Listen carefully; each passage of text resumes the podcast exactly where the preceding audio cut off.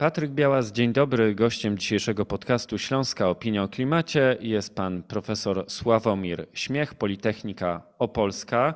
Jeden z autorów raportu Energetyczna bieda sytuacja gospodarstw domowych w 2021 roku. Dzień dobry. Dzień dobry. Na początku chciałem zapytać o to, ponieważ rozmawialiśmy przed kilkoma dniami na temat e, ubóstwa energetycznego na wsi, ale teraz będziemy rozmawiać o miastach i jaka jest skala zjawiska ubóstwa energetycznego w polskich miastach. Mhm. Może jeszcze gwoli wyjaśnienia. Moja afiliacja to jest Uniwersytet Ekonomiczny w Krakowie, natomiast rzeczywiście raport, o którym mówimy, powstał dla Politechniki Opolskiej. OK, no i teraz jak już mamy to wyjaśnione, to e, e, spróbuję odpowiedzieć na pytanie o skalę ubóstwa energetycznego w polskich miastach. Niemniej jednak, zanim dam taką konkretną odpowiedź, to powiem Państwu, że ubóstwo energetyczne nie jest określone jednoznacznie. I ustawodawca określił ubóstwo energetyczne jako równoczesne wystąpienie niskiej efektywności energetycznej budynków złej sytuacji materialnej gospodarstwa domowego i wysokich wydatków na energię. E, I dopiero inkluzja tych trzech, e, koniunkcja tych trzech składników e, definiuje ubogie energetycznie gospodarstwa domowe i powoduje, że one mogą stać się celem jakiejś kierowanej polityki państwa w tym zakresie. No i problem jest taki, że w Polsce nie gromadzimy dotychczas danych związanych z efektywnością energetyczną mieszkań, Wobec tego tej definicji nie jesteśmy w stanie e, bezpośrednio e, zastosować. Te dane, na których my pracujemy, one w pewnym stopniu pozwalają nam określić, jaka jest efektywność energetyczna budynku, dlatego że GUS zbiera na przykład dane dotyczące tego, czy dom jest docieplony, czy nie jest docieplony, ale też mamy dane dotyczące wieku e, budynku, więc to jest jakieś przybliżenie efektywności energetycznej budynku, dlatego że te domy, które są budowane ostatnio, one spełniają wysokie standardy, natomiast te, które są budowane wcześniej, one tych standardów nie spełniają. No i teraz, e, jeśli to już mamy wyjaśnione, no to musimy powiedzieć, w jaki sposób to ubóstwo energetyczne w takim razie mierzymy. No i e, znów powołując się na te, e, na te ankiety i na te dane, na których bazowaliśmy, Mamy możliwość taką, żeby spytać bezpośrednio gospodarstwo domowe, czy e, jest ubogie energetycznie. Do tego służy pytanie, czy Twój dom albo czy Twoje mieszkanie jest dostatecznie ciepłe w zimie. No i tutaj o dziwo okazuje się, że, że, że tego problemu w zasadzie prawie już w Polsce nie ma. Sukcesywnie spada nam liczba gospodarstw domowych, które przyznają, że mają problemy z ogrzaniem mieszkań e, w zimie. Natomiast jeśli troszeczkę podrapać, no to okazuje się, że ten problem wciąż istnieje. I tak w przypadku e, ubóstwa, jak i w przypadku ubóstwa energetycznego, e, jeśli chcemy mierzyć skalę, to musimy się odwołać, czy odwołać sytuację danego gospodarstwa do pewnej przeciętnej, która jest w danej społeczności. Dobra, to się zmienia w czasie. Jakbyśmy się spotkali 100 lat temu, to jakbyśmy mieli buty, to byśmy byli E, to byśmy byli zamożni. Natomiast teraz wiadomo, że wszyscy mamy buty i musimy do nieco innego poziomu się odnosić. No i y, tutaj technicznie sprawa wygląda w ten sposób, że bierzemy dochody gospodarstwa domowego, odejmujemy od tych dochodów wydatki na energię i patrzymy, co zostaje, patrzymy, jaki jest tego rozkład i odnosimy ten rozkład do pewnej przeciętnej. Dobra, więc tak to wygląda.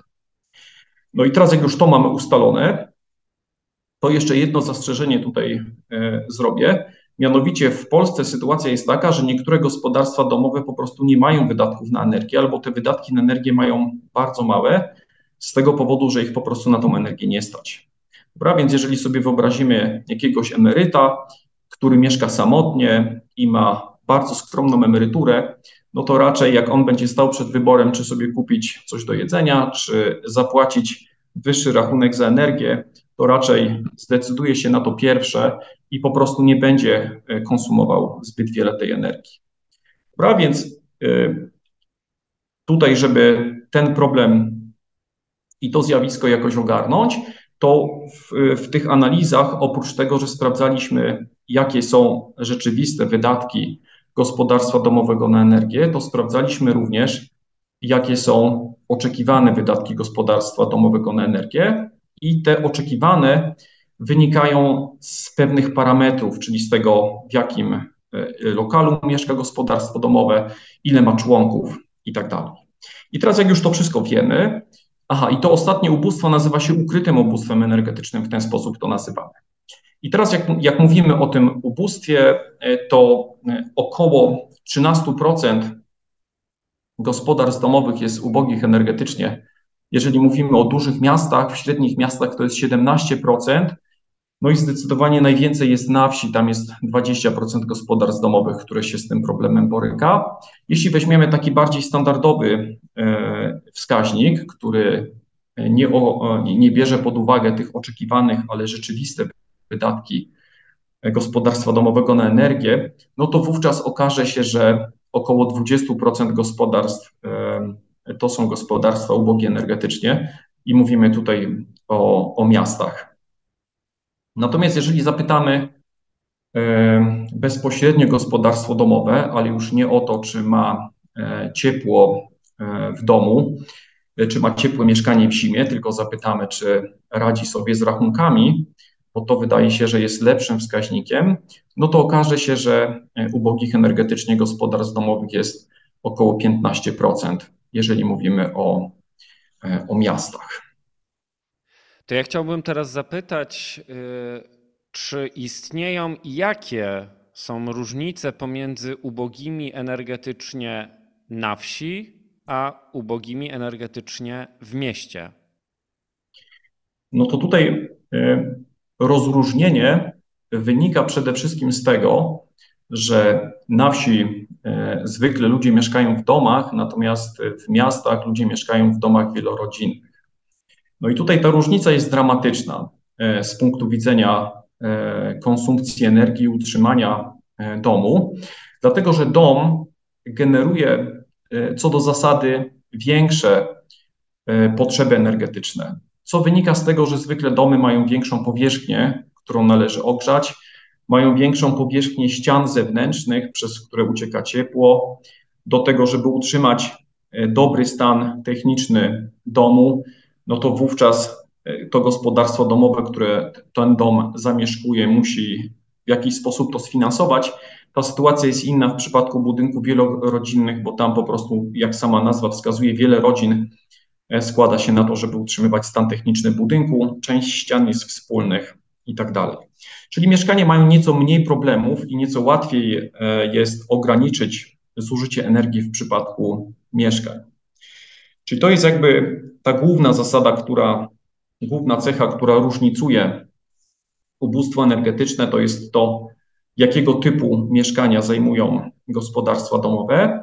Natomiast to, co jest wspólne dla ubogich energetycznie w mieście i na wsi, to jest to, że te lokale, które są zajmowane, one znajdują się w budynkach starych, co oznacza, że po prostu e, standardy energetyczne, efektywność energetyczna tych budynków jest po prostu bardzo kiepska. I jeśli popatrzymy na profile czyli weźmiemy wszystkich ubogich energetycznie i zobaczymy, czy wśród nich znajdują się jakieś grupy, które są w miarę homogeniczne, tak żebyśmy mogli powiedzieć, do, o kim mówimy i ewentualnie z punktu widzenia e, decydentów kierujemy e, jakieś instrumenty e, w kierunku takich grup, no to możemy powiedzieć, że na przykład w miastach jest taki profil, który stanowią samotni emeryci. W przypadku wsi mogą to być samotni emeryci, ale mamy też samotne e, czy też dwuosobowe gospodarstwa emerytów. Czyli widać, że w przypadku e, wsi, tam gdzie są większe potrzeby energetyczne, bywa, że dochody dwóch emerytów są niedostateczne do tego, żeby wyjść poza e, ten próg ubóstwa. To, co jest ciekawe, to że w miastach mamy grupę ubogich energetycznie małżeństw bez dzieci, które mieszkają e, w relatywnie dużych mieszkaniach, w starych e, budynkach wielorodzinnych. No i tutaj można domniemywać, nie mamy tak, tak danych o tak dobrej rozdzielczości, ale biorąc pod uwagę wiek tych budynków i to, że one są wielorodzinne, należy domniemywać, że są to kamienice. I w tych kamienicach mamy e, również ubogich energetycznie. I tutaj ubóstwo energetyczne wydaje się wynikać z tego, że e, te, ten typ budynków jest bardzo energochłonny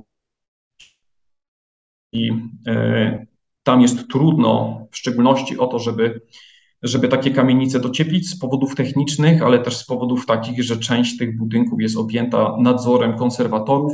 Wobec tego tam mamy kiepskie warunki e, związane z, z efektywnością energetyczną. Tam mamy duże potrzeby.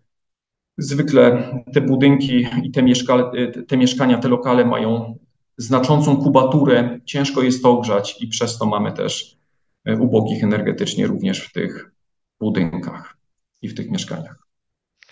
No a teraz co wynika z tego badania, czyli kto i co powinien zrobić, żeby zlikwidować problem ubóstwa energetycznego w miastach? Czy to jest zadanie rządu, zadanie samorządu, a może mieszkańców? No, myślę, że po części jest to zadanie wszystkich, o ile patrzymy na ten, na ten problem e, w taki sposób systemowy. Bo generalnie, biorąc pod uwagę e, to, jak rozumiemy ubóstwo energetyczne, jednym z czynników, który wpływa na to, że jakieś gospodarstwo domowe staje się ubogie energetycznie, jest to, że mieszka w lokalu, który jest, który ma niską efektywność energetyczną. Czyli priorytetem e, powinno stać się, powinna stać się poprawa efektywności energetycznej budynków. No i tutaj decydenci e, zauważyli ten problem i ten sztandarowy program, który e, służy do tego, żeby poprawiać powietrze, czyste powietrze, który ma bardzo duży budżet, on został rozszerzony i teraz oprócz tego, że wymieniane są źródła ciepła, gospodarstwa domowe, te, które są gorzej sytuowane, mogą e, swoje lokale docieplać. Więc w tym sensie powiedzmy, że jest to e, kwestia odpowiednio skalibrowanych programów, tak żeby e, gospodarstwa domowe, te mniej zamożne, mogły korzystać z programów i ograniczać swoje potrzeby energetyczne bez spadku komfortu życia. Ale ubóstwo energetyczne to są też wysokie ceny energii.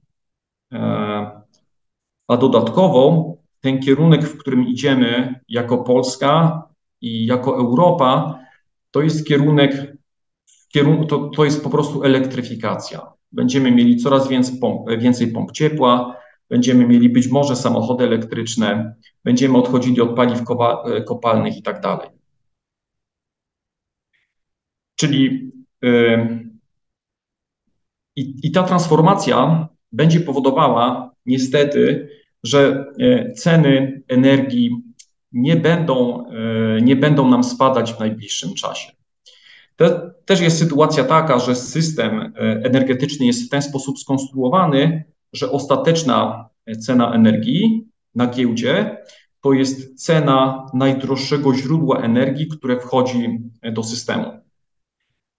Wobec tego, jeżeli chcemy, żeby ceny energii były niższe, to generalnie powinniśmy zmierzać jakby w przeciwnym kierunku niż e, elektryfikacja. To znaczy, nie krytykując elektryfikacji, bo to jest nieuchronne, to mimo wszystko jako społeczeństwo, e, jako gospodarstwa domowe, niekoniecznie gospodarstwa domowe ubogie energetycznie, ale jako wszystkie gospodarstwa domowe, jako instytucje powinniśmy próbować ograniczać e, zużywanie energii. Jak będziemy ograniczać podaż, no to wtedy być może nie będą wchodziły e, do systemu e, te źródła energii, które są najdroższe, wtedy obniżymy koszty energii i za energię będziemy mogli, mogli płacić mniej.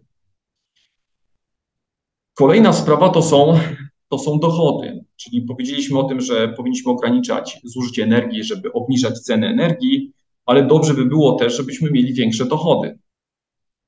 No i tutaj, jeżeli mówimy o ubogich energetycznie, to tak naprawdę w dużej mierze to jest opowieść o emerytach.